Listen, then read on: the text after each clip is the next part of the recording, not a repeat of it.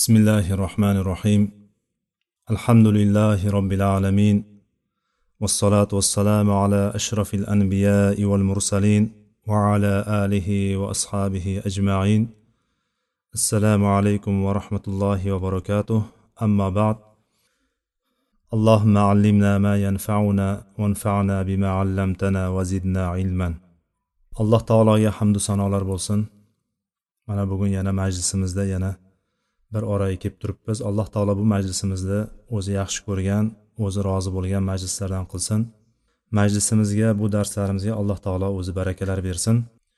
Payg'ambarimiz sollallohu alayhi vasallamga u kishini ahli oilalariga sahobalariga va yaxshilik bilan ergashgan jamiki mo'minlarga allohning salot salomlari bo'lsin.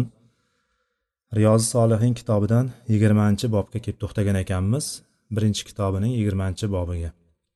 Bu bob babun fiddalalati alal xayr va duo ila hudan av dolala bu bob ma'nosi shundayki yaxshilikka yo'llab qo'yishlik yaxshilikni ko'rsatib qo'yishlik yoki yanada boshqacharoq arabcha so'zni arabcha kalimani o'zini ishlatadigan bo'lsak yaxshilikka dalolat qilib qo'yishlik va hidoyatga yoki zalolatga chaqirishlik bobi. Bu bob ham o'zidan oldingi o'tgan bobimizga aloqador bo'lgan ya'ni o'shani bevosita davomidek hisoblasak ham bo'laveradi. Bunda muallif rahimalloh bir nechta oyatlari bilan hadislar keltirib o'tgan har doimgidek o'zini odatiga ko'ra. Bu oyatlardan birinchisi audu billahi minash shaytonir rojim vadu ila robbika qismi oyatni to'liq keltirganlar ham bor. ولا يسدنك عن آيات الله بعد إذ أنزلت إليك وادع إلى ربك ولا تكونن من المشركين ikkinchi oyat udu ila sabili robbika bil hikmati val mav'izatil hasana uchinchi oyat va taavanu alal birri va taqvo oyatlari bu oyatlarning birinchisi qasos surasini sakson yettinchi oyatida kelgan ikkinchi oyat bo'lsa nahl surasini bir yuz yigirma beshinchi oyati uchinchi oyat moida surasini ikkinchi oyati ekan. Bobning birinchi qismi yaxshiliklariga dalolat qilishlik. Bu yaxshiliklariga dalolat qilishlik va yaxshilikka chaqirishlik haqida gapiradigan bo'lsak ya'ni bir kishi xoh dunyo bo'lsin xoh din ishlari bo'lsin ya'ni dunyoyu oxirat ishlari bo'lsin o'shanda yaxshilik deb bilgan narsaga odamlarni yo'llab qo'yishlik dalolat qilib ko'rsatib qo'yishlik. Ya'ni yo'lini topolmayotgan kishi kelib turib bir joyga ketayotganda men mana shu joyga qanday tovib boraman? deb turib sizdan so'raydigan bo'lsa siz bilsangiz ko'rsatib yuborasiz. Bu yo'ldan ketasan undan keyin chapga burilasan keyin to'g'ri yursang o'sha yerdan chiqasan deb turib yo bo'lmasam palon yozuvni ko'rganingdan keyin o'sha yerdan borib turib yana bittasidan so'ramasang bu yo'l ancha chalkash yo'l ancha yo'llari so'qmoqlari ko'p burilishlari ko'p topolmaysan deb turib siz boradigan joyigacha bo'lgan qismini qo'lingizdan kelgan bilgan joyingizgacha tushuntirib yuborasiz ya'ni odamlarni yaxshiliklarga yo'llab qo'yishlik dalolat qilib qo'yishlik yoki bir kishi dindan oladigan bo'lsak din, din tarafdan oladigan bo'lsak bir kishi namoz o'qishni bilmayapti. Yo bo'lmasam namoz tahorat olyapti xato qilib olyapti siz o'sha narsani ko'rsatib qo'yishligingiz bu bunday emas bunday qilinadi deb ko'rsatib qo'yishligingiz siz o'shani yaxshilikka yo'llab qo'ygan yaxshilikni ko'rsatib qo'ygan bo'lasiz. Endi bu umumiy bo'ladigan bo'lsa endi har bir kishi demak yaxshilikka buyuruvchi bo'lishligi kerak ekan. Yaxshilikka buyurishlikni mana bu oyatdan ko'ryapmizki oyatlarimizga qaraydigan bo'lsak vadu ila robbika robbingga da'vat qilgin. Robbingga ya'ni alloh taologa ibodat qilishlikka alloh taoloni ibodatda yakkalashlikka chorlang da'vat qiling deyapti alloh taolo. Ya'ni buyruq bo'lib kelyapti. Bu bilan ko'rinadiki yaxshilikka ko'rsatib qo'yishlik umumiy bo'ladigan bo'lsa yaxshilikka chaqirishlik yanada xosroq bo'ladi undan ko'ra. Ya'ni yaxshilikka chaqirishlik siz qidirib chaqirasiz odamlarni. Boyagiday sizdan bittasi kelib so'rasagina yo'llab qo'ymaysiz. Siz baralla aytasizki ey mana bu yo'l mana shu tarafga boradi deb chaqirasiz. So'rasa so'ramasa chaqirasiz. Chaqirishlik bilan yo'llab qo'yishlikni ikkalasini o'rtasidagi farq mana shu. Yo'llab qo'yishlik qachon sizga bittasi kelib turib so'raydi yo bo'lmasam yoningizda o'sha voqea yuz beradi? O'shanda siz ko'rsatib qo'yasiz to'g'risini. Yaxshi yo'lni ko'rsatib qo'yasiz. Osonroq boradigan yo'lni ko'rsatib qo'yasiz. Chaqirishlik bo'ladigan bo'lsa siz yaxshi deb bilgan yo'lni yo'lga chaqirasiz odamlarni. Ular so'raydimi so'ramaydimi u yo'ldan ketadimi ketmaydimi siz chaqirasiz. Mana bu narsa bizdan talab qilingan narsa. Alloh taolo shuning uchun aytyaptiki payg'ambar sallallohu alayhi vasallamga vadu ila robbika. Robbingizga da'vat qiling deyapti. Robbingizni ibodatiga odamlarni chorlang odamlarni chaqiring deyapti. Demak mana bu har bir mo'min kishi har bir musulmonman degan kishi da'vatchi bo'lishligi kerak ekan. Da'vatchi deganda biz bilganimiz umumiy suratda ya'ni faqat da'vat bilan shug'ullanadigan maxsus da'vatlarga chiqib yurishgina bo'ladigan ya'ni faqatgina bir haftalik qirq kunlik yoki palon palon deb eshitganimiz masalan da'vatchilar tabliğ jamoatlarini bilamiz masalan. Aynan ularda o'shandaqa emas har bir kishi o'zini doirasida o'zini darajasida allohni yo'liga da'vat qilishligi kerak. Allohga da'vat qilishlik kerak allohni yo'lini shariatni islomni dinni tanitishlik kerak odamlarga. O'zini doirasi bo'ladi. Har bir kishini o'zini atrofidagi doirasi bo'ladi.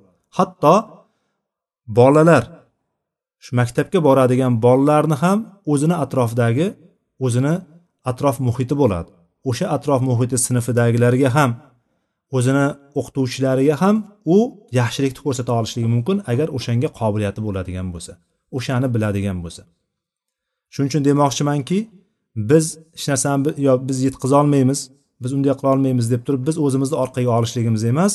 Hatto o'sha yosh bolani ham yetti yoshli bolani ham o'zini atrofidagi sinfdoshlari bor. O'shani tilidan tushunadigan gapirsa tushunadigan sinfdoshlari bor. O'shalarni tilida bola bolacha tushuntiriladi tushuntira oladi boshqacha tushuntira olmaydi. Sizday balog'atli so'zlarni yo fasohatli so'zlarni gapira olmasligi mumkin misollarni aytolmasligi mumkin oyat hadislarni so'zma so'z aytib bera olmasligi mumkin. Lekin umumiy tarzda bola o'zini atrofiga ta'sir qila oladi. Ya'ni biz ham demak ayollar bo'ladigan bo'lsa qo'ni qo'shnisi bor qarindosh urug'i bor boshqalari bor ayollar ham o'zini doirasida da'vat qila oladi. Lekin da'vat qilishlik uchun endi erkaklarni doirasi kattaroq bo'ladi. Erkaklar ishda yuradi ko'cha ko'yda yuradi bozorda bo'ladi. Ya'ni ularni doirasi ayollarnikiga nisbatan doirasi kengroq bo'lganligi uchun erkaklarni zimmasiga da'vat kattaroq tushadi. Yaxshilikni ko'rsatib qo'yishlikni demak biz bu bobdan ko'ryapmizki muallif rohimaulloh yaxshilikka dalolat qilib qo'yishlik. Demak dalolat qilishlikni hammamiz qilamiz lekin da'vat qilishlik har birimizni vazifamiz bo'lishligi kerak. Dalolat kelgan paytda masalan bir kishi yaxshi bir yo'lni so'rab kelib qolgan paytda bir narsani tushunmasdan bizdan so'rab qolsa bilsak o'shani yo'llab yuborishlik hammamizni qiladigan ishimiz bu. Lekin biz da'vatni o'zimizga kasb qilib oladigan darajada bo'lishligimiz kerakki bu oyatlardan hadislardan ko'rib shuni tushunamiz biz. Qo'limizdan kelgan narsani yetkazishligimiz kerak. Lekin bu qo'limizdan kelgan narsa qanday bo'ladi? Bu narsa ilmsiz bo'lmaydi. Biz bir narsaga chaqiradigan bo'lsak mana bu masalan tahoratni tahorat olishlikni fazilatlarini bilsak umumiy o'zimiz tahorat olishlik kayfiyatini biladigan bo'lsak qanday qilib olamiz? Mana bu narsani bittasiga o'rgatayotgan paytimizda biz o'shani bilganimiz uchun mukammal o'rgata olamiz.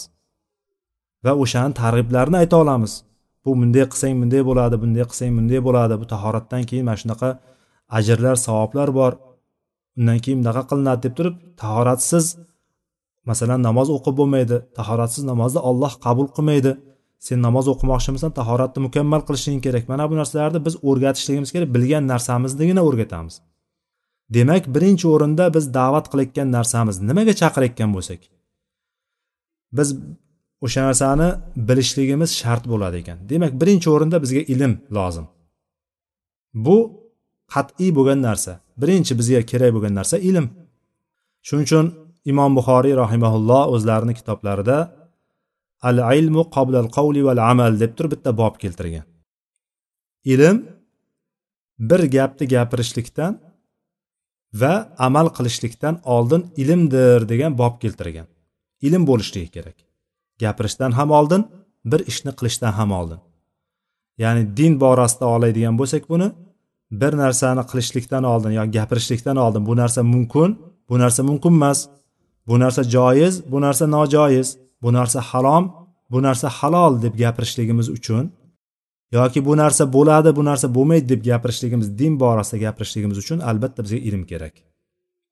Yoki bir ishni qilishdan oldin bir duo qilmoqchimizmi namoz o'qimoqchimizmi haj qilmoqchimizmi demak u narsani biz bilishligimiz kerak bilmasdan qila olmaymiz u narsani. Demak hammasi ilmga borib taqaladi. Falam annahu la ilaha illalloh vastag'fir li zambik oyatni dalil qilib keltiradi muallif. Ya'ni imom buxoriy o'zini kitobida aytadiki bilgin deydi. Birinchi o'rinda falam keladi. O'sha bilgin deb keladi. Bilishlikda alloh taolo ilm i'lam ya'ni bilgin degan narsani birinchi aytib turib keyin nariyog'ida ollohni bitta yolg'iz iloh ekanligini bilgin va istig'for aytgin deb aytadi. Ya'ni amal keyin kelyapti. Birinchi bilishlikni qo'yyapti. Demak har bir narsani oldida birinchi boshida ilm bo'lishligi kerak. A ilmsiz suratda bo'ladigan bo'lsa bir kishi bir narsani to'g'ri deb o'ylaydi. Masalan bir kishi o'sha narsani to'liq bilmaydigan bo'lsa yoki chala biladigan bo'lsa boshqacharoq qilib aytadigan bo'lsak endi hozir johil deb aytadigan bo'lsak hamma aytadiki men johil emasman deydi men olimman deydi. Men bilaman bu narsani men johil emasman deydi. Chunki johil degan narsani o'zbek tilida biroz qo'polroq eshitilganligi uchun odamlar buni birdan inkor qilib tashlaydi. Sen johilsan sen nima deyapsan men? Ilmma ilmliman men deydi. Ya'ni biz o'shaning uchun o'zbekchalashtirib aytyapmizki biroz o'sha narsani yaxshi bilmaydigan bo'lsa yoki o'sha ilmni o'sha narsada chala biladigan bo'lsa u o'sha narsani to'g'ri deb o'ylaydi o'zicha. O'zicha gumoni bilan to'g'ri deb biladi o'sha narsani. Va o'shanga chaqiradi modomiki o'sha chaqirayotgan narsasi to'g'ri deb bilgan narsasi xato bo'lib chiqadi. Yoki bir narsani qilma deb turib qaytaradi. Bu narsa mumkin emas deb qaytaradi. Bu narsa mumkin emas chunki bunday bunday bunday deb turib o'zini gumoniga ergashgan holatda aytadi o'zicha aytadida lekin u vaholanki to'g'ri bo'lishligi mumkin. Ya'ni qaytarayotgan narsasi qilishlik mumkin bo'lgan narsa bo'lishligi mumkin. Shuning uchun ilm kerak bo'ladiki o'sha narsani bilishlik kerak bo'ladi. Ya'ni qaytaryapman deb turib haqdan qaytarib qo'yishlik kerak emas inson. Yoki buyuryapman deb turib gunohga buyurib qo'ygan bo'lish chaqiryapman deb turib gunohga chaqirayotgan bo'lishi kerak emas inson. Mana shuning uchun birinchi o'rinda ilm shart. Lekin ikkinchi narsa turadi. Demak biz ilmli bo'lmaydigan bo'lsak umuman hech narsa demasligimiz kerak ekanda. Og'zimizni e, og'zimizga bunday zamok tortgandek qilib turib og'zimizni yopib yurishligimiz kerak ekan hech kimga gapirmasdan degan savol tug'iladi. Yo'q u ham bir tarafdan to'g'ri bo'lsa ikkinchi tarafdan noto'g'ri. Chunki inson har bir narsada hamma bobda masalan dindagi hamma sohada ilmlarda fiqh deysizmi tafsir deysizmi hadis deysizmi ilmni o'sha butun hammasini oladigan bo'lsak islom ilmlarini hammasini bilgan kishigina yetkazadi degan narsa bu xato narsa. Siz masalan hozir yuqorida aytganimizdek tahoratni bilasizmi? Tahoratni farzlarini sunnatlarini ya'ni necha martadan yuvishlik a'zolarni qanday qilib qilishlik birinchidan keyin ikkinchisini qilishlik shularni hammasini bilasizmi? O'shanga targ'ib qilingan hadislarni umumiy suratda bilasizmi? Matnini to'liq bilmasangiz ham umumiy suratda bilasizmi? Mana shu narsani siz bildingiz degani bu. O'sha narsani siz tahoratni olishlik qachon olinadi qanday qilib olinadi tahoratni nimalar buzadi nimalar buzmaydi bu narsani siz bildingizmi? Demak siz buni bemalol xotirjam yetkazishligingiz kerak. Sizni bo'yningizda o'sha narsani yetkazishlik turaveradi. Chunki payg'ambar sollallohu alayhi vasallam aytganlarki ballig'u anni valau aya deganlar. Mendan bittagina oyatni bo'lsa ham yetkazinglar mendan sizlarga yetib kelgan bittagina oyat bo'lsa ham o'shani ham odamlarga yetkazinglar degan payg'ambarimiz sallallohu alayhi vasallam.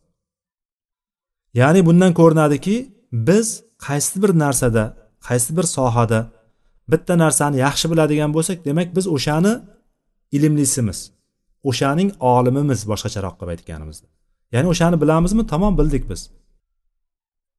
Ha uni uni ham yanada nozik taraflari ikir chikirlari tafsilotlari bo'ladigan bo'lsa u narsani bilmasligimiz bizni da'vatdan to'xtatmaydi. Ba'zi bir masalalar u masalalarda o'zini ahli o'zini ahli bor o'shani biluvchilar bor mukammal masalalarda ular javob beradi. Lekin biz masalalarga javob emas biz o'sha narsaga chaqirishlikka chaqirmoqchimiz o'sha narsaga. Demak biz tahoratni mukammal bilamizmi? Umumiy suratda shu paytgacha qilib tahorat olib turibmiz. Nima buzadi nima buzmaydi bilamizmi? Tahorat bilan qaysi amallar qilinadi tahoratsiz qaysi amallarni qilib bo'lmasligini bilamizmi?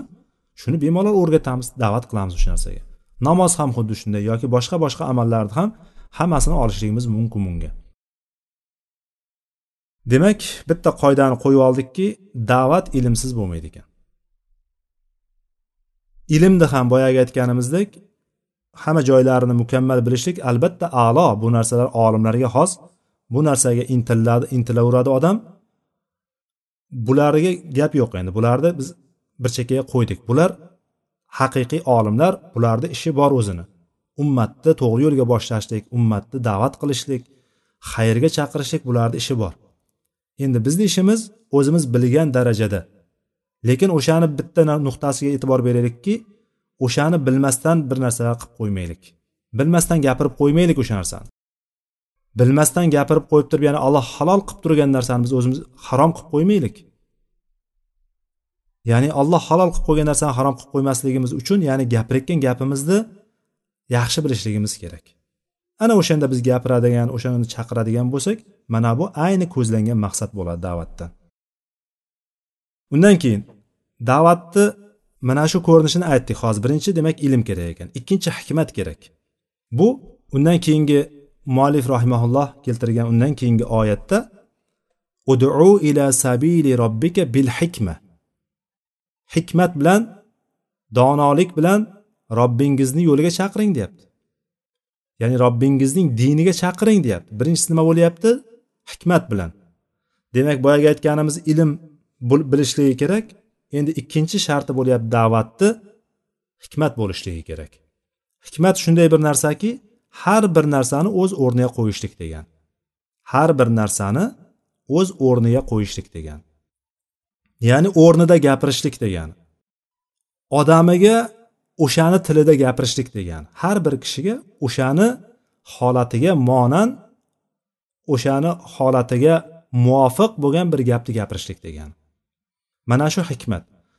Qur'onda alloh taolo hikmat berilganlarni maqtagan. Va o'sha hikmat berilgan kishilarni juda ko'p yaxshiliklar berilibdi ularga deyilgan degan. Yu'tal hikmata utiya khayron kasira degan.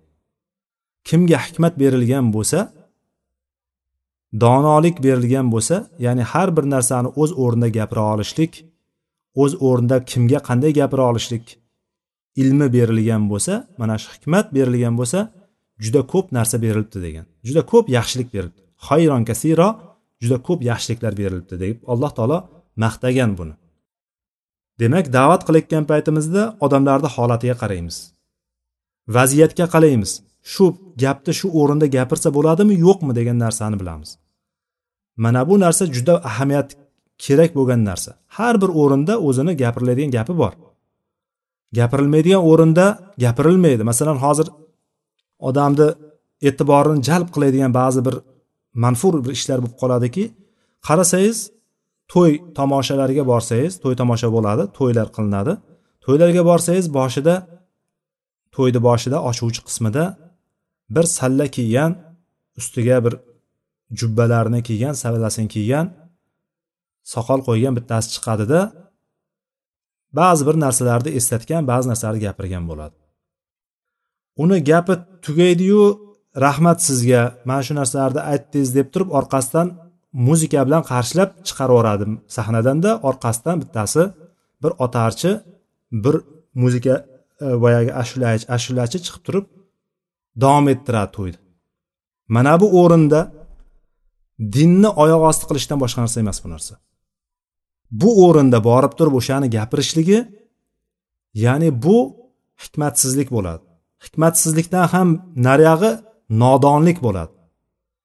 Ya'ni harom bo'lgan joyda harom ichkiliklar bo'lgan harom muzika kuy musiqalar bo'lgan joyda allohni nomi bilan chiqib turib ba'zi narsalarni gapirib turib yana o'sha yerda ishtirok etib o'tirishligi uni bu degani bu narsa joiz hammasi mana biz o'tiribmiz degan deb turib xalqqa go'yoki o'rnak bo'lyapti bular.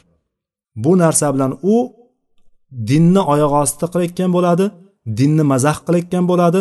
Agar bu narsani agar ko'nglidan xohlab qilayotgan bo'lsa alloh biladi uni hukmi nima bo'lishligini ya'ni bu dindan ham chiqarib qo'yadigan narsa bo'lib qoladi hattoki dinni mazax qilishlik. Allohni oyatlarini mazax qilishlik bo'lib qoladi bu. Masxara qilishlik bo'lib qoladi mana shunday o'rinlarda ya'ni demoqchi bo'lganim hikmat shunday narsaki har bir odamga va har bir o'rinda nimani gapirishlikni bilishlik. Ba'zi odamlar lovullagan odam bo'ladi. Gapirsangiz yerga ursangiz osmonga sapchiydigan bir pasda tutab ketib qoladigan ya'ni jahli tez bo'lgan yoki e, o'zi shunaqa tabiatdagi jadalchi bo'ladi. Ba'zida juda tortishuvchan bo'ladi. Ana o'shandaqalarga ham o'zini tilida gapirishingiz kerak. O'sha o'zini tilida gapirasiz. Ya'ni u lovullab yonib turgan paytda siz bir narsa deydigan bo'lsangiz yanada battar lovullab ketib qoladi hamma tomon. Ana o'shandaqa o'rinda siz uni yongan olovni biroz pasayishini kutasiz. Sal pasaydimi? Ana endi ustidan suv quysangiz boyagi yonayotgan narsa o'chadi. O'zi olovni ko'radigan bo'lsangiz agar gurkirab yonib turadigan bo'lsa suv quygan bilan suv o'chira olmaydi u narsani. Suv o'chirmaydi o'chira olmaydi. Olov qattiq yongan paytda. Lekin olov biroz kamayib qolgan paytda ustidan ko'proq suv quyib yuborsangiz boyagi olov butunlay o'chadi. Ya'ni shunga o'xshab hikmat yana qayta qayta aytyapmizki har bir narsani o'z o'rniga qo'yishlik. Odamiga qarab muomala qilishlik degan odamiga qarab turib yetkazishlik degan. Endi hikmat bilan yetkazdik. Hikmat ham kamlik qildi. Odamiga qarab gapirdingiz doktorga doktorni tilida gapirdingiz duradgorga duradgor tilida gapirdingiz bolaga bolani tilida gapirdingiz ayol kishiga ayol kishini tilida gapirdingiz ha hammasini gapirdik. Lekin shunda ham ba'zi bir narsa yetmay qolayotgan bo'lsa oyat davom aytyaptiki udu ila robbika bil hikmati udu ila sabili robbika bil hikmati val mau'izatil hasana. Endi mau'iza qo'shildi. Mau'iza al hasana go'zal mau'iza qilishlik qo'shildi. Go'zal chiroyli suratda pand nasihat qilishlik o'rtaga qo'shildi endi.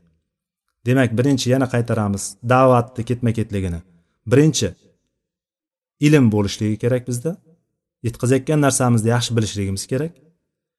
Ikkinchi hikmat bilan donolik bilan yetkazishligimiz kerak. Uchinchi o'ringa tushayotgan narsa uchinchi kirib kelayotgan narsa bizda chiroyli pand nasihat qilishligimiz kerak.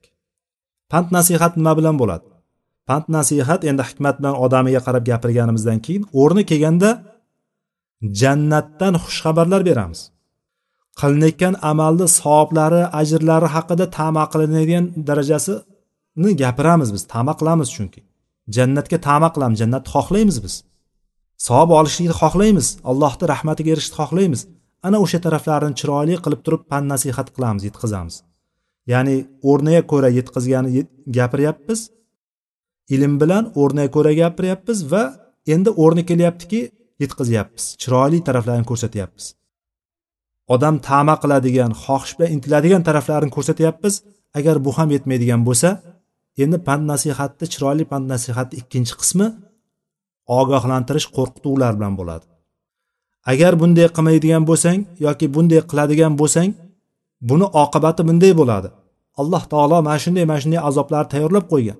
Bu narsani qur'onda bunday degan hadisda bunday degan deb turib bu tarafiga o'tiladi. Ya'ni chiroyli pand nasihat degani faqat yaxshi gap bilan degani emas chiroyli pand nasihat ya'ni maizatul hasana targ'ib va tarhib bilan bo'ladi. Targ'ib qilishligimiz savob umidlar savob savoblarni tayyorlab qo'yilgan narsalarni jannatlarni eslatishlik bilan bo'lsa tarhib qo'rqituv bilan bo'ladi. Allohning azobi qattiq ekanligini allohni allohning azobi shiddatli ekanligini o'ch olishligi qattiq ekanligi do'zaxdagi holatlarni eslatib turib unga badnasihat qilinadi. U ham yetmayapti endi qaranglar. Da'vatimiz uchta bosqich bo'ldi mana hozir. Birinchisi ilm ikkinchisi hikmat uchinchisi pan nasihat bu ham kor qilmayapti qarayapmiz kor qilmayapti. Bu boyagi qaysar o'lgidek qaysar bittasi ekan. Shunday bir holatdaki siz bilan jang qilyapti. Ya'ni tortishyapti jadalga kiryapti juda qaysar. Shunaqa qaysarki o'zini bilib olgan narsasidan qaytmaydigan. U xoh boyagi aytayotgandek sizni inkor qilib qilayotgan bo'lishi mumkin yoki o'zi tushunib olgan narsasi bilan siz bilan tortishadigan darajaga kirib qoladigan bo'lsa oyatni davomida alloh taolo aytyaptiki vajadil vajadilhum billati hiya ahsan deyapti. Vajadilhum billati hiya ahsan endi bu da'vatni to'rtinchi bosqichi shunaqa bo'lyaptiki ular bilan chiroyli suratda go'zal suratda ular bilan tortishing deyapti. Agar tortishishlikka kelib qoladigan bo'lsa mujodala qilishlikka kelib qoladigan bo'lsa jadallashish talash tortishishlikka kelib qoladigan bo'lsa tortishiladi tortishadigan ilmingiz bo'lsagina. Bunda shart qo'shilyapti yana siz o'sha yerda fisq yo'liga kirib ketmasligingiz kerak. Talashib tortishayotgan paytda boshqa taraflarga o'tib ketib qolishligingiz kerak emas fasod yo'llariga o'tib ketib qolishligingiz kerak emas. Siz talash tortishayotgan paytda faqat dalillar keltiribgina tortishishingiz mumkin. Dalillar keltirib qur'on hadisdan dalillar keltiribgina yoki biladigan bo'lsangiz aqliy dalillar keltirib turib tortishasiz. Chunki odamlar ikki toifaga bo'linadi. Butun odamlar ikki toifaga bo'linadi. Birinchisi birinchi toifa qur'on hadisdan keltirgan dalillarga agar siz o'sha dalillarni sihatlari bilan ma'nolari bilan aytib beradigan bo'lsangiz sahihligini va sahih zaifligini aytib oyatlarni o'rnini tafsirlari bilan agar ma'nolarini tushunib o'sha oyat bunday kelgan deb turib hammasini aytib bera oladigan bo'lsangiz odamlar o'shan bilan qanoat hosil qiladigan odamlar bor. Bu mo'minlardir ya'ni qalbida kiri bo'lmagan qalbida marazi bo'lmagan odamlar. Bular oyat hadislarni eshitgan paytda chiroyli uslub bilan yuqorida aytganimiz chiroyli uslub bilan hikmat bilan pand nasihat bilan chiroyli uslub bilan yetkazgan paytingizda u shar'iy dalillar bilan qanoatlanadida o'sha yo'ldan ketadi. Bu narsa mo'minlarga berilgan sifat bu. Bu iymoni kuchli bo'lgan mo'minlarni holati. Agar sizda o'sha sifat topilayotgan bo'lsa tekshirib ko'ramiz o'zimizni. Agar bizda o'sha sifat topilayotgan bo'lsa alhamdulillah deylikki alloh taolo bizni shu hidoyatga boshlab qo'yibdi. Chunki alloh taolo bizni bunga hidoyat qilmaydigan bo'lsa biz o'zimizda hidoyatlab olmasdik. Biz o'zimizni o'sha yo'lga boshlab olmasdik. Alloh taolo bizni boshladiki alloh taolo xuddi qo'limizdan bir kishi yetalab turib bir joyga olib kelgandek ko'zimiz ko'rmay turibdi. Qop qorong'i joy. O'sha qop qorong'i joyda boradigan joyimizni ko'rolmayapmiz. Chiroq yo'q nur yo'q yorug'lik yo'q hech qanaqa bittasi qo'limizdan ushlab turib yetalab yorug' joyga olib chiqib qo'yadigan bo'lsa ana o'sha yetalab kelishligi qanday o'xshatishlik bo'ladigan bo'lsa alloh taolo go'yoki bizni mana shunday yetalab olib kelib qo'ydi mana shu yo'lga. Buning uchun alloh taologa cheksiz hamd sanolar aytishimiz kerak biz. Tilimsiz hamd sanolar aytishligimiz kerak. Demak hozirgiday kitob va sunnatda kelgan qur'on va sunnatda kelgan dalillarga bizga chiroyli qilib yetkazilgan paytda ma'nolarini o'sha hadis yoki o'sha oyat mana shu bobda kelgan mana shu mavzuga mana shu holatda mana shular kelgan deb turib bizga tushuntirib bergan paytda biz qalbimiz qanoat hosil qilsa alloh taologa yana bir bor hamd aytaylik. Demak bu iymoni mustahkam bo'lgan kishilarni holati. Ikkinchi toifa insonlar. Ikkinchi toifa insonlar har bir narsani aql bilan o'lchaydigan kimsalar hisoblanadi. Birinchisi dalillarga kifoyalandi ikkinchisi aqlni ishlatadi. Aqlni ishlatishligi bu narsalar shunaqaki bularga din asoslari aqida hali boshidan boshlab turib berilmaganligi uchun va ularni aqidalari o'zi aqida degani qalbdagi tushunchalar qalbdagi dunyoqarash qalbdagi e'tiqod degani. Qalbimiz bilan nimani bir narsani mana shu shunday deb masalan suvni sovuq deb e'tibor qiladigan bo'lsak bo'ldi qalbimizda turgan mana shu ilm e'tiqod hisoblanadi. Biz bilamizki qor sovuq. Qor yoqqan paytda sovuq bo'ladi degan narsa qalbimizda bor. Bu ilmni hech kim kelib turib yo'q qor issiq bo'ladi deb turib aytadigan bo'lsa kitoblarda mana kitobda kelgan qor issiq bo'ladi ekan deb sizga o'qib bersa ham siz bekor aytibsan deysiz. Chunki qalbingizdan e'tiqod qilib turibsiz uni inkor qilolmaydi hech kim. Mana shuning uchun qalbda qilingan e'tiqod insonni hayot hayotini bunday chizib belgilab beradi. Endi shuning uchun qalbdagi e'tiqod qalbdagi tushunchalarni o'rnini to'ldiradigan falsafa degan ilmlar bor mantiq degan ilmlar bor. Yunon falsafasi deysizmi shu butun g'arb falsafasi deysizmi butun falsafani hammasini asosi insonni qalbidagi e'tiqodlarini mana shunaqa holatga olib keladigan ya'ni boshqa boshqa turli islomdan uzoqlashtiradigan va hamma narsani aql bilan o'lchaydigan narsaga olib kelib qo'yadi. Demak qayerda falsafa kuchli bo'ladigan bo'lsa odamlar ko'proq mantiqqa kirgan bo'ladigan bo'lsa mana shu ilmlarni ko'proq o'rganadigan bo'lsa xossatan oladigan bo'lsak mana shu butun g'arb olami mana shunday. G'arb olamidan ta'sirlangan musulmon davlatlari ham mana shunday. Ana ular birinchi o'rinda aqllarini qo'yadi. Har bir narsani aql bilan o'lchaydi. Mana bu narsa demak ikkinchi toifa insonlarki ular shar'iy dalillarni aqliy dalillariga to'g'ri kelsagina o'shandagina oladi. Bo'lmasam olmaydi. Har bir narsani orqasida buni hikmati nima ekan deb so'raydi. Bu narsa insonga foydamikan yo'qmikan deb so'raydi. Bu narsani nima ahamiyati bor deydi. Bu narsani qilsam nima bo'ladi? Hamma narsani shu aql bilan o'lchaydi. Lekin vaholanki mo'minlarni ishi nima edi? mo'minlarni ishi وما كان لمؤمن ولا مؤمنة إذا قضى الله ورسوله أمرا أن يكون لهم الخيرة من أمرهم ularni mo'min va mo'minlarni ishi alloh va rasuli bir hukmni bir ishni shunday hal qilgandan keyin bir hukmni chiqargandan keyin bir ish ustida bir hukm chiqargandan keyin ularda biron bir ixtiyor yo'q edi mo'minlarda va mo'minalarda mo'minlarni ishida ixtiyor yo'q bo'ldi alloh taolo aytdimi tamom ish bitdi Allohni rasuli sollallohu alayhi vasallam aytdimi tamom ish bitdi. Buyog'iga biz nariyog'iga o'tmaymiz. To'xtaymiz taslim bo'lamiz o'sha yerda. Iymon keltiramiz. Mana shu bilan biz mo'minmiz. Samiyana va atona deymiz biz. Eshitdik va itoat qildik deymiz bo'ldi deymiz. Lekin ikkinchi toifa insonlar albatta aqllarini ishlatiladi. Agar siz ham agar biron bir dalil kelgan paytda oyat kelgan paytda hadis kelgan paytda o'zi tekshirib ko'ring. Agar siz o'shani orqasidan biron bir aqliy dalil aqlga to'g'ri keladimi yo'qmi degan narsa sizda paydo bo'layotgan bo'lsa bilingki qalbda qandaydir zayig'i bor. Qalbda to'g'ri yo'ldan og'ishlik bor. Alloh taolo saqlasin buni tuzatish kerak buni davolashlik kerak bu narsani. Demak da'vatni hozir biz aytganimiz to'rtta bosqichini aytdik. To'rtta narsa bilan bo'lishligini aytdik da'vatni. Yana takrorlab o'tamiz. Birinchisi ilm bo'lishligi kerak bizda. Ilm ikkinchisi hikmat bilan da'vat qilishligimiz kerak. Uchinchisi mavizatul hasana chiroyli go'zal pand nasihat bilan. To'rtinchisi o'rni kelganda nima bilan? Mujodala bilan talashib tortishishlik bilan. Lekin tortishishlikni hozir aytdikki qur'on va sunnatda kelgan dalillar bilangina tortisha olamiz biz. Undan nariyog'iga o'tmaymiz.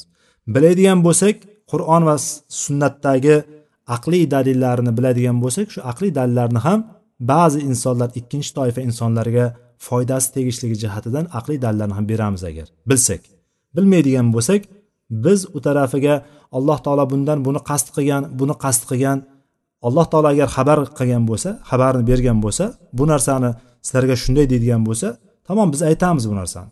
Lekin bu narsa umumiy aytilgan bo'lsa masalan va antasumu xayrul lakum in kuntum ta'lamun deydi.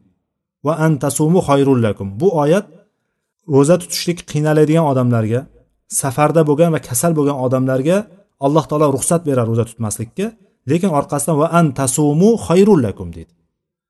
Lekin bilsalaring sizlar ro'za tutishlaring yaxshiroqdir deb aytadi. Afzalroqdir ro'za tutishlaring. E kasal kishi ro'za tutsa afzalmikan? Biz buni faqatgina tajriba bilan bilamiz. Tajriba qilib ko'rgandan keyin ha demak kasalga ham yaxshi ekan.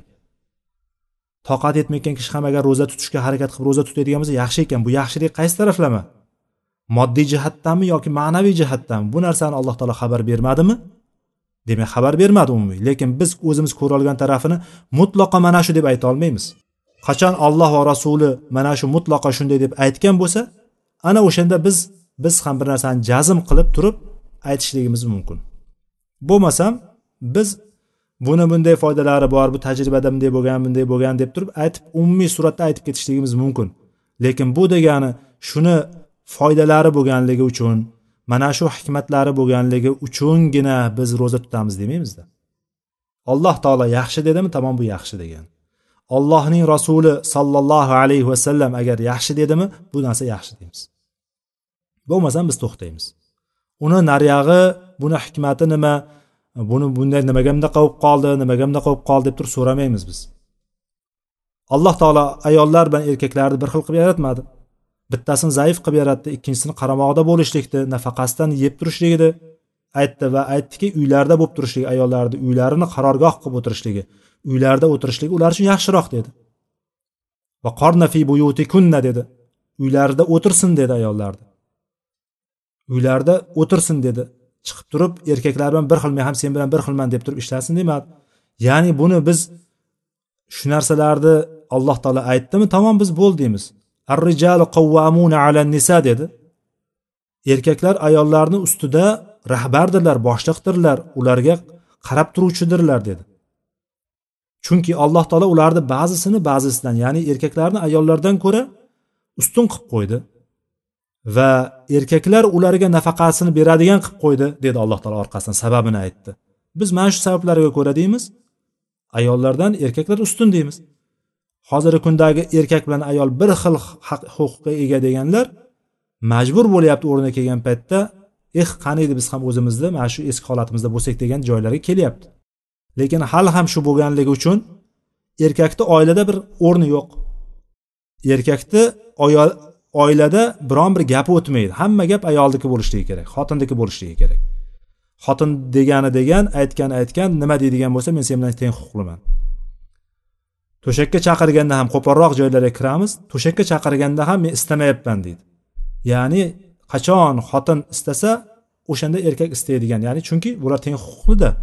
Mana bu narsa g'arb falsafasini g'arb dunyoqarashini musulmon olamiga kirib kelishligi natijasida musulmon jamiyatni buzilishligini sababi mana shu bo'lyapti. Chunki biz dindan uzoqlashyapmiz. Biz olloh va rasuli aytdi degan joydan siljib ketib qolyapmizki demak bizni biz boshqa joylardan olyapmiz. Olloh va rasuli aytgan narsani qur'on va hadisni biz o'rganmayapmizki biz boshqa joylardan o'sha qur'oni hadis bilan to'ladigan qalbimizdagi bo'shliqni boshqa narsalar bilan to'ldiryapmiz. Natijada ahvolimiz mana shunaqa bo'lyapti. Bu holat hammani shikoyati bugungi kunda. Butun musulmon olamidagi qaraydigan bo'lsangiz hammani shikoyati shu bo'lyapti. Lekin buni ko'rmaganlar men musulmonman deb turib hijoblarini o'raganlar men teng huquqliman deyapti. Sen ishlasang men ham ishlayman deyapti. Mana shu holatga kelib qoldi. Demak oxirgisi talashib tortishishlik deganimiz tortishishlik deganimiz qur'on va sunnat bilan bo'lishligi kerak ekan. Endi yana bir tarafi borki ahli kitoblari bilan deydi alloh taolo boshqa bir oyatda vala tujadilu ahlal kitabi illa billatihi ahsan illa alladina zolamu minhum deydi. Ahli kitoblari bilan faqatgina go'zal uslubda mujodala qilishlikni go'zal uslubda tortishishlikni alloh taolo aytdi. Ular bilan faqatgina go'zal uslubdagina tortishinglar dedi. Go'zal uslub kimlarga tegishli? Go'zal uslub deganimiz dalillar bilan fosiqlikka o'tmasdan janjalga o'tmasdan munofiqlikka o'tmasdan o'sha yerda talash tortishishlikni odoblariga rioya qilgan holatda bo'ladi go'zal uslub. Endi bunga ko'nmaydigan illalladina zolamu minhum dedi. Alloh taolo magar ulardan zolim bo'lganlari bo'lsa zulm qilguvchi zolimlari bo'ladigan bo'lsa tortishishlikni ham haddidan oshirib yuboradigani janjalga o'tib ketadigani hech narsani ataylab qasddan qabul qilmaydiganlari bo'ladigan bo'lsa ular bundan mustasno dediki ularni yo'li qilich bo'ladi. Ularni yo'li qilich bo'ladi. Ya'ni gapga ko'nmaganni qilich bilan bo'ysundiriladiki ular yo islomni hukmiga kiradi islomni qabul qiladi yoki islomni qabul qilmaydigan bo'lsa xorligini bo'yniga olib turib jizya to'lashlikka majbur qilinadi. Mana bu da'vatni mana shu bosqichlari. Va boshqa bir oyatda keyingi oyatga o'tyapmiz. Keyingi oyatda aytdiki muallif rahimaulloh val takum minkum ummatu yad'una ilal xayr degan oyatni keltirdi. Bu oli imron surasini bir yuz to'rtinchi oyati ekan. Oli imron surasini bir yuz to'rtinchi oyatida va oralaringizda yaxshilikka bitta o'sha yaxshilikni ilal xoyrni al xoyrni aliflom bilan kelganligi uchun ko'pchilik mufassirlar buni islom deb aytishgan. Ya'ni islomga chaqiruvchi ya'ni islomga chorlovchi da'vat qiluvchi bir jamoat bo'lsin dedi. Valtakum minkum ummatu yad'una ilal xayr bu yerda sizlarni oralaringizda yaxshilikka islomga chaqiruvchi kishilar bo'lsin bir jamoat bo'lsin. Mana shuni tafsirida aytishadiki olimlar ikki toifa olimlar buni minkumdan ba'zilari o'shani ba'zilari deb aytishgan. Min o'shani tabaiz ya'ni o'shani bir bo'lagini chiqarib beradi degan anosiga olib turib ya'ni ummatni ichidan bir toifa inson bo'lsin. Ya'ni hammasi emas bir toifa bo'lsa ya'ni ma'lum bir odamlar sondagi odamlar bo'ladigan bo'lsa da'vat qiluvchi qolganlardan da'vat tushadi degan ma'no kelib chiqadi bu tafsirga ko'ra. Ikkinchi tafsirga ko'ra bayanul jins ya'ni jinsni bayon qilishlik ma'nosi bor bu yerdagi mindan iborat deydigan bo'lsa sizdan degani siz yaxshilikka da'vat qiluvchi bir jamoat bo'lsin sizdan deganidan buni hammaga tegishli ekanligi kelib chiqadi. Ikkinchi anavi bo'yicha ikkinchi tafsir bo'yicha jinsni bayon qilishlik uchun ya'ni biz musulmonlardan degan gapni musulmon jamoat bo'lsin degan ma'no kelib chiqadigan bo'lsa degan unda hammaga shart bo'lib qoladi deb aytishgan bu foyda jihatidan aytib ketdik xullas bu demak da'vat ishi hammamizga tegishli bo'lgan yuqorida aytganimiz hammamizni ishimiz bo'lgan narsa hammamiz da'vatni qilishligimiz kerak da'vatni demak hozir bu yerda aytayotganimiz ma'rufga undan keyingi oyatni davomi ham bor aslida ولتكن منكم أمة يدعون إلى الخير ويأمرون بالمعروف وينهون عن المنكر وأولئك هم المفلحون deydi oyatda Ya'ni sizlarni ishlaringizda oralaringizda islomga yaxshilikka da'vat qiluvchi bir jamoat bo'lsin. Bu jamoatni yana bir sifati yamuruna bil ma'ruf ma'rufga buyuradigan. Ya'ni ma'ruf deganimiz yaxshiliklar. Urf.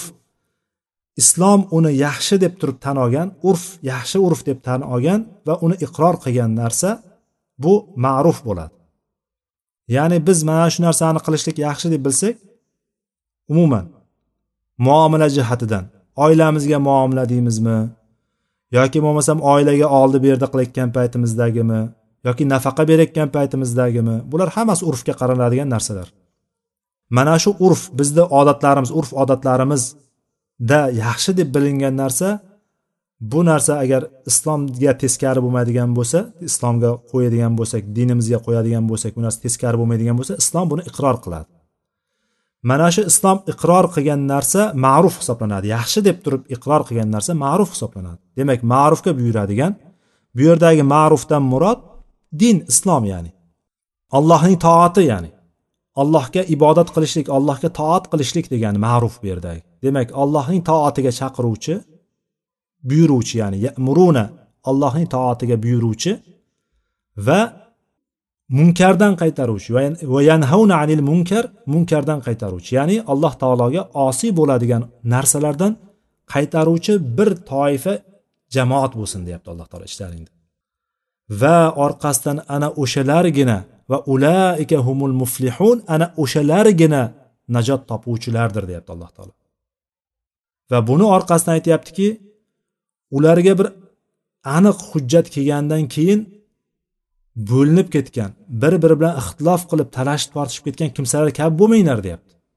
Ilm ya'ni hujjat bayinotlar kelgandan keyin talashib tortishib tafriqalanib bo'linib ketgan kimsalar kabi bo'lmanglar deyapti. Ana o'shalarga mana shunday kimsalarga ya'ni hujjat kelgandan keyin talashib tortishib qaysarlik qilib turib qabul qilmasdan ketadiganlarga ularga alamlantiruvchi qattiq buyuk azob bor deyapti. Azabun azim deyapti. Katta azob bor ulug' azob bor deyapti alloh taolo. Mana shu oyatda shunday kelyapti. Demak amr ma'ruf va nahiy munkar bilganimizdek o'sha chaqirayotgan narsamizga qaytarayotgan narsamizga ilmimiz bo'lishligi kerak. O'sha narsani bilishligimiz kerak. Endi xoyir deb kelyapti. Xoyir deganda yaxshilik deganda bir bitta ma'nosini biz islom deb aytdik. Yaxshilik degan paytda umumiy yaxshilikni olishligimiz mumkin. Xayrni umumiy yaxshilik deb oladigan bo'lsak uni ichiga dunyo yaxshiliklari ham kirib ketadi va oxirat yaxshiliklari ham kirib ketadi. Demak dunyo yaxshiliklariga chaqiruvchi insonlar va oxirat yaxshiliklariga chaqiruvchi insonlar bo'lishligi kerak ishlaringda deyapti. Shuning uchun alloh taolo biz ummatni tilidan aytadiki duoda robbana atina fid dunya hasana va fil axirati hasana. Robbimiz bizga dunyoda hasana yaxshilikni bergin ato etgin va oxiratda ham yaxshilikni ato etgin deb turib so'raydigan kishilar. Biz so'raymiz shunday deb turib ya'ni dunyoni ham oxiratni ham yaxshisini so'raymiz. Va oyatda alloh taolo bir o'rinda aytadiki xayr deb turib dunyoni ham aytadi. Xayr degan narsa yaxshilik deb aytganimiz dunyoni ham xayr deb atagan bir o'rinda. Innal insana لربه robbihi وإنه va innahu ala zalika لحب الخير va innahu degan. Ya'ni o'shanda bu oyatda adiyat surasida bilganimiz inson o'zi robbisiga ko'rnamaklik qiluvchi insondir. Ya'ni ollohni agar insonni o'zini tabiatiga qo'yib qo'yadigan bo'lsa bu musulmonlar haqida gapirmayapmiz. Inson umumiy hamma uni ichiga musulmon ham munofiq ham kofir ham kelib qo'yadi. Asli tabiatiga qo'yadigan bo'lsak innal insana deb inna ta'kidi bilan kelayotganligidan hech shak shubha yo'qki rabbisiga bergan ne'matlariga ko'rnamaklik qiladi inson. Lakanut ya'ni lakanut ham lomi ta'kid bilan kelyapti bu yerda lomi qasami ta'kid bilan kelyapti. Inson allohning bergan ne'matiga nonko'rlik qiladi ko'rnamaklik qiladi. Va o'zi ham bunga guvoh deyapti alloh taolo. Va innahu ala zalika la shahid. Va mana shu o'zini ko'rnamakligiga ham nonko'rligiga ham noshukurligiga ham o'zi guvoh bo'ladi. O'ziga o'zi. Biz o'zimiz bilamiz kimligimizni va o'zi ham biladi o'shani ko'rnamak ekanligini. Alloh ne'matlariga yetarlicha shukur qilolmayotgan inson biladi. Va undan keyin bugungi hozirgi aytmoqchi bo'lganimiz dunyoni xayr deb keltirgan mol dunyoni alloh taolo xayr deb aytgan joyi va innahu li hubbil xayri la shadid. Albatta inson hech shak shubha yo'q. Li hubbil xayri la shadid. Xayr deb kelyapti. Hubbil xayr deganni bu mol dunyoni muhabbatiga shunaqa qattiq berilgan hisoblanadi inson. Mol dunyoni muhabbati hubbil xayr degani mol dunyo xayr hub bilganimiz hub muhabbat mol dunyoni muhabbatiga lashadid juda qattiq berilgan kimsadir inson. Birinchidan allohni ne'matlariga non ko'rnamak va bu ko'rnamaklariga o'zi guvoh va kamiga mol dunyoga juda qattiq berilgan bo'ladi inson. Bu inson tabiati mana shu o'rinda alloh taolo demak xayrni nima deb atadi? Mol dunyo o'rnida keltirdi. Mol dunyo degan ma'noda keltirdi xayrni. Demak yaxshilik degan paytimizda umumiy hammasi kirib ketadi. Dunyo va yaxshilik dunyo va oxirat yaxshiliklari hammasi shunga kirib ketadi. Demak bizni mavzumiz biroz cho'zilib qoldi hadislarga kira olmaymiz shekilli. Endi da'vat qilayotgan paytda yana bir ba'zi bir shartlar bor. Boya yuqorida aytganimiz da'vat qiluvchi kishilarni sifatlari nimalarga e'tibor berishligi to'rtta narsani e'tibor bo'lishligi kerakligini aytdik. Endi shartlar ham bor. Muallif ibn usaymi rahimaulloh bir uchta shartni aytib o'tadilar. O'sha uchta shartni qisqacha aytib o'tamiz. Birinchi shartni aytadiki yaxshilikka buyuruvchi yoki yomonlikdan qaytaruvchiga ilm kerak.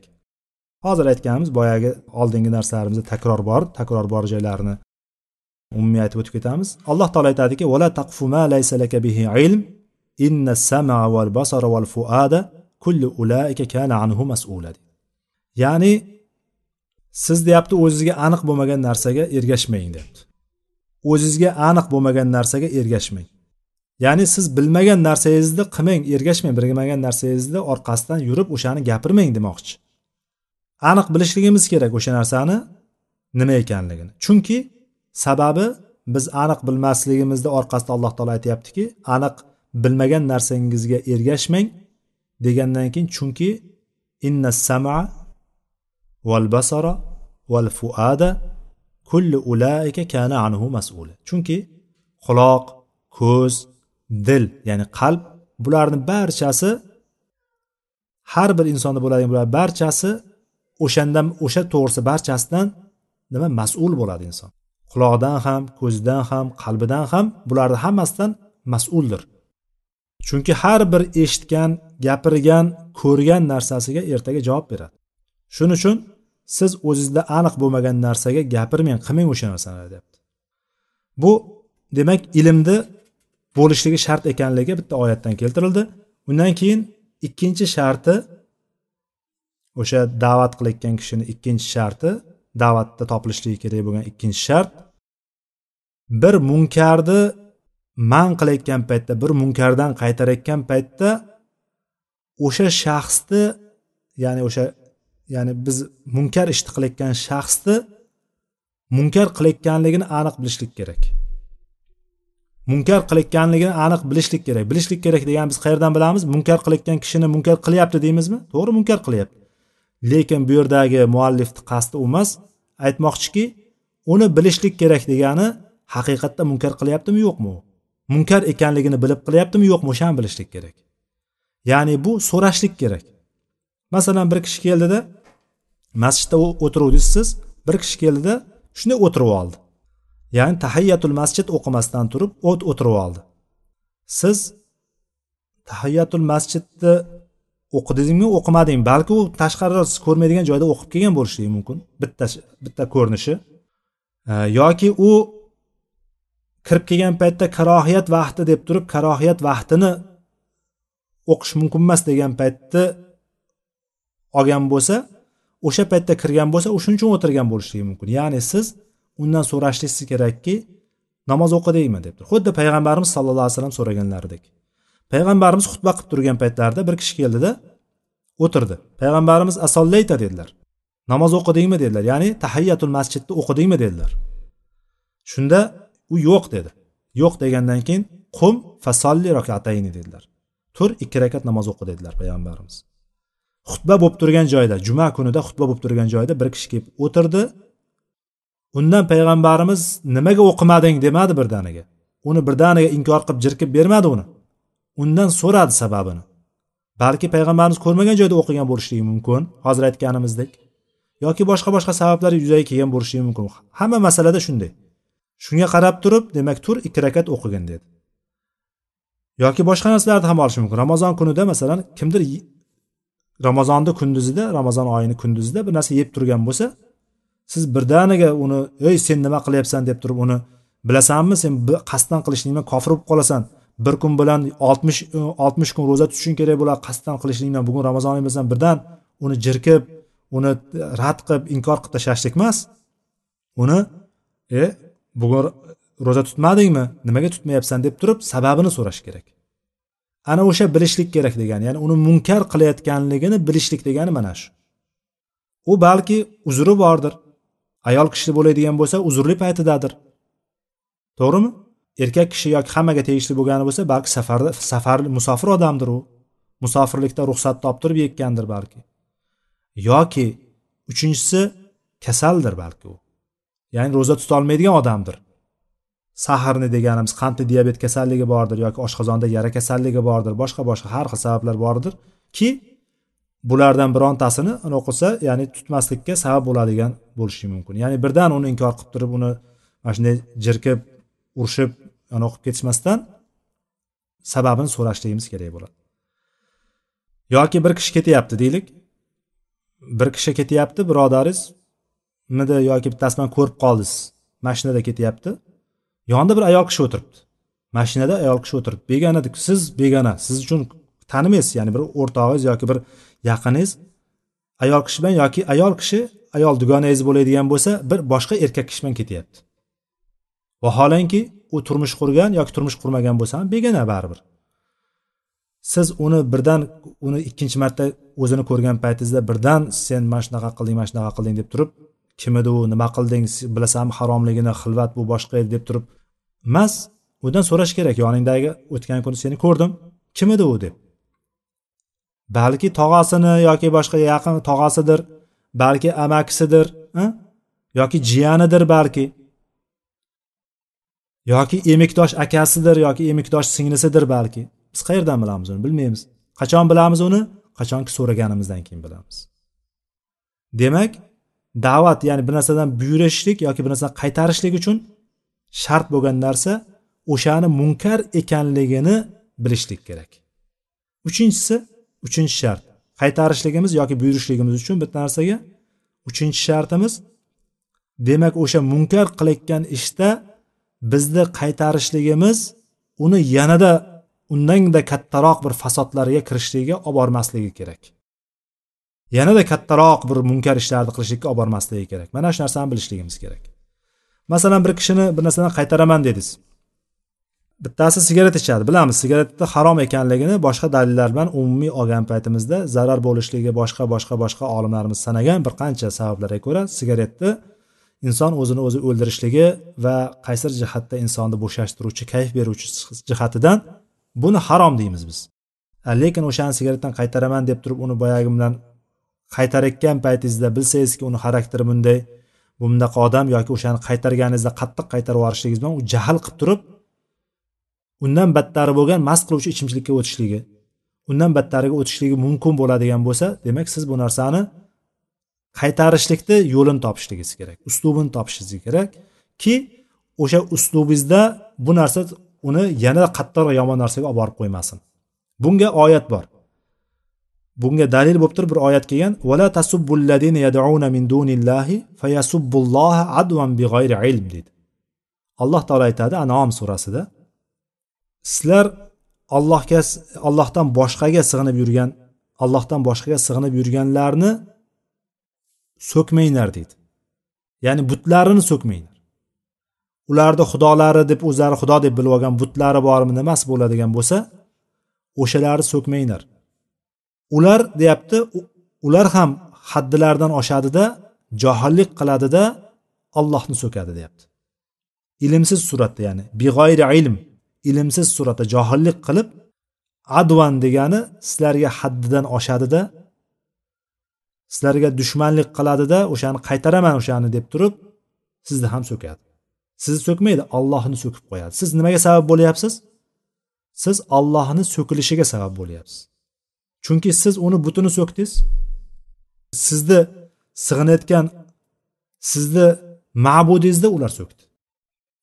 Ya'ni o'shanga ya'ni undan kattaroq fasodga olib kelib qo'ymasligi kerak. Undan kattaroq fasodga olib borib qo'ymaslik yo'lini topib turib bir narsadan qaytarishligingiz kerak. Qaytarishlikni hech qachon qattiq qo'llik bilan baqir chaqir bilan birdan inkor qilib tashlashlik bilan unaqa bilan bo'lmaydi. Yuqoridagi da'vat uslublariga qaytamiz. Da'vat uslublarida demak nimalar bor edi? Ular bilan chiroyli pand nasihat bor edi. Biz chiroyli pand nasihat bilan qilishligimiz kerak. Bizni da'vatimiz bir narsadan qaytarishligimiz yoki bir narsaga buyurishligimiz undan kattaroq fasodga olib ketib qolishi kerak emaski chunki har bir millatga har bir jamoatga o'zlari qilayotgan narsa ularga chiroyli qilib ko'rsatib qo'yilgan. Chiroyli qilib ko'rsatib qo'yilgan. Mana shu jihatlarini biz bilishligimiz kerak bo'ladi ekan. Vaqtimiz biroz cho'zilib qoldi. Inshaalloh keyingi haftadan keyingi darsimizdan hadislar bilan tanishib chiqamiz vallohu alam سبحانك اللهم وبحمدك أشهد أن لا إله إلا أنت أستغفرك وأتوب إليك وآخر دعوانا أن الحمد لله رب العالمين والسلام عليكم ورحمة الله وبركاته